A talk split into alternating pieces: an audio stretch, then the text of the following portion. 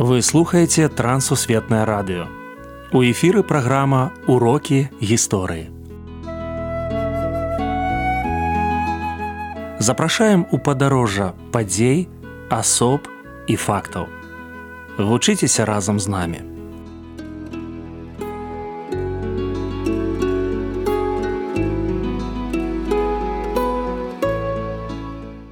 Добры дзень сябры.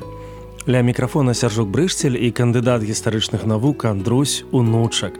Сёння у нас знакамітае імя Михаил Казімир Агінскі. Прывітанне Андрусь. Прывітанне сяржук. Прывітанне шаноўныя слухачы. Рот агінскіх у гісторыі Беларусі. Рот агінскіх вельмі знакаміты. Сапраўды гэта былі праваслаўныя магнаты, якія вельмі шмат што зрабілі для Беларусі, якія валодалі вялікімі маёнткамі, якія зрабілі свой уклад у культуру у эканоміку якія будавалі вялікія такія збудаванні архітэктурныя. І рот агінскі канешне вядомы тым што ёсць два такія знакамітыя агінскія з падобнымі імёнамі. Гэта михал кляфас агінскі і михал казімир агінскі. І вось якраз мы сёння будзем казаць пра михала казіміра агінскага які быў сваяком михалу кляфасу агінскаму аўтару паланеза развітання з радзімай. І по безумоўна вельмі цікавы момант што прадстаўнікі роду агінска ў свой час яны цікавіліся рэфармацыяй. У іх былі вельмі вялікія рэлігійныя пошукі. Гэтым родам сапраўды славіцца наша краіна. Намалюйце партрэт михаила казіміра агінскага гэта сапраўды быў чалавек шматгранны. Ён быў падобны да людзей сваёй эпохі энцыклапедыстаў. То бок чалавек які вызначыўся і ў ваенным мастацтве і ў культуры і у эканоміцы і ў архітэктуры адначасова. Чалавек які пабудаваў каналагінскага напрыклад чалавек які тэатр заснаваў і вялікую частку свайго жыцця быў міністрам обороны ці вялікім гетманам літоўскім. Вось гэты партрэт ён можа быць з розных такіх рысаў з розных маскоў. Гэта асоба яна спалучала ў сабе розныя таленты і ён спрабаваў развівацца ў розных накірунках. Наш гістарычны госць і горад слонем. Михал Казімірагінскі, які нарадзіўся ў 1730 годзе, быў звязаны са слонімам непасрэдна. Слонем ён атрымаў у пасах вось разам са сваёй жонкай з роду чартарыйскіх, якая прынесла яму слонем і слонем ён вельмі моцна палюбіў.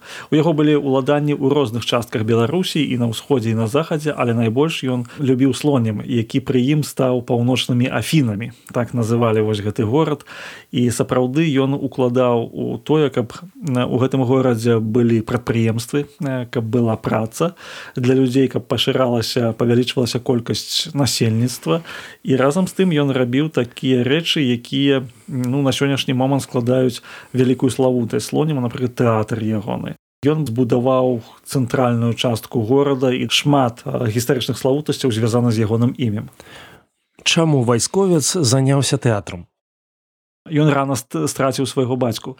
Ён выхоўваўся у сям'і, ну ці скажем так пры падтрымцы сям'і канцлера вялікае княства літоўскага Михала Фредеріка Чартарыйскага і вызначылі яго як будучага вайскоўца. Ну яго я думаю што асабліва не пыталіся ён паступіў на службу ў войска і праз палітычныя розныя такія акалічнасці ён стаў гетманам. І гетманам стаў у вельмі такі няпросты час у час калі адбылася барская канфедэрацыя.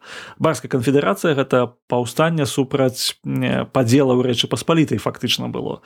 Гэта быў 1768 год калі канфедэраты яны сказалі што мы выступаем супраць тых законаў якія навязваюць суседнія дзяржавы. І ішло паўстанне паўстанцы змагаліся з войскамі замежных дзяржаваў а войска вялікае княства літоўскае вельмі доўгі час вытрымлівае нейтралітэт. І ўрэшце рэш ён апынуўся пад такім ціскам што ж яму рабіць?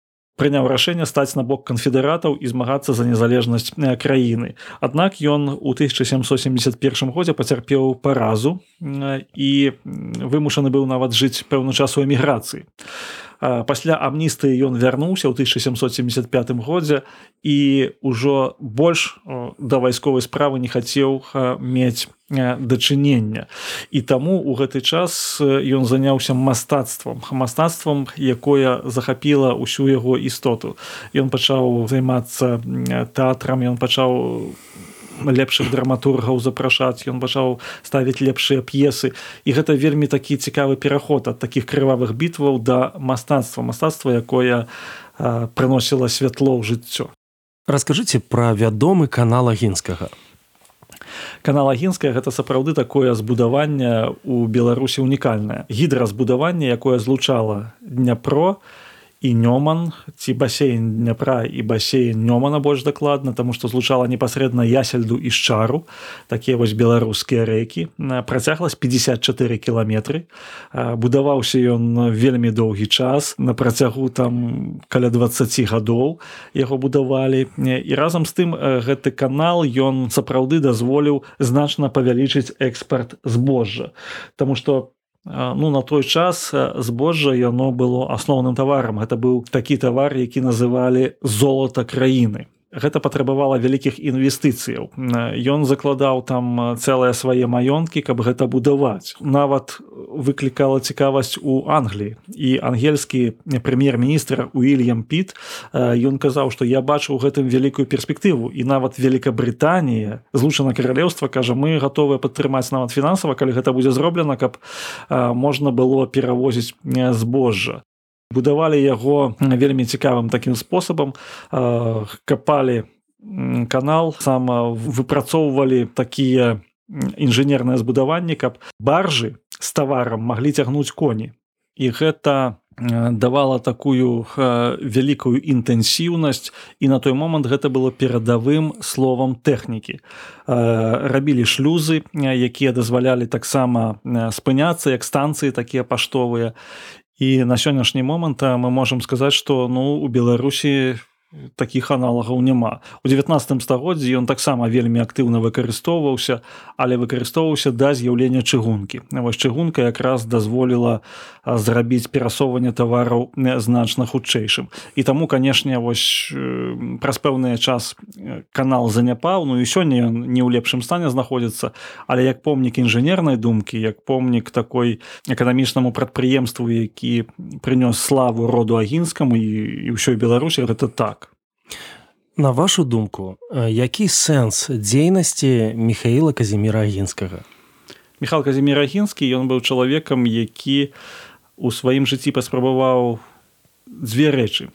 Першае гэта вайсковасць і спроба вырашыць пытання вайсковым шляхам і дзейнасць такая культурна-эканамічная. І першая палова яго жыцця ён быў гетманам і ён быў кіраўніком войска. Ён зразумеў што гэта не яго і пераключыўся на культурную і эканамічную дзейнасць. І тут ён дасягнуў значна большых поспехаў. Сапраўды гэта быў чалавек які перасэнсаваў шмат што ў сваім жыцці і прыйшоў да высновы што паклікання яно можа можа мяняцца нават калі ты выбраў на пачатку шлях не зусім свой то ты можаш памяняцца і пайсці сваім шляхам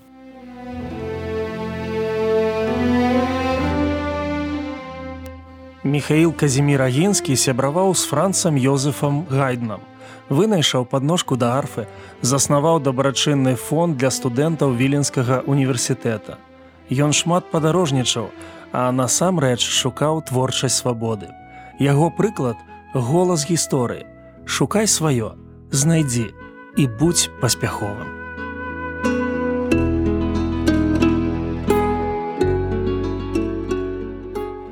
Дзякую, што далучыліся да нашага праекту.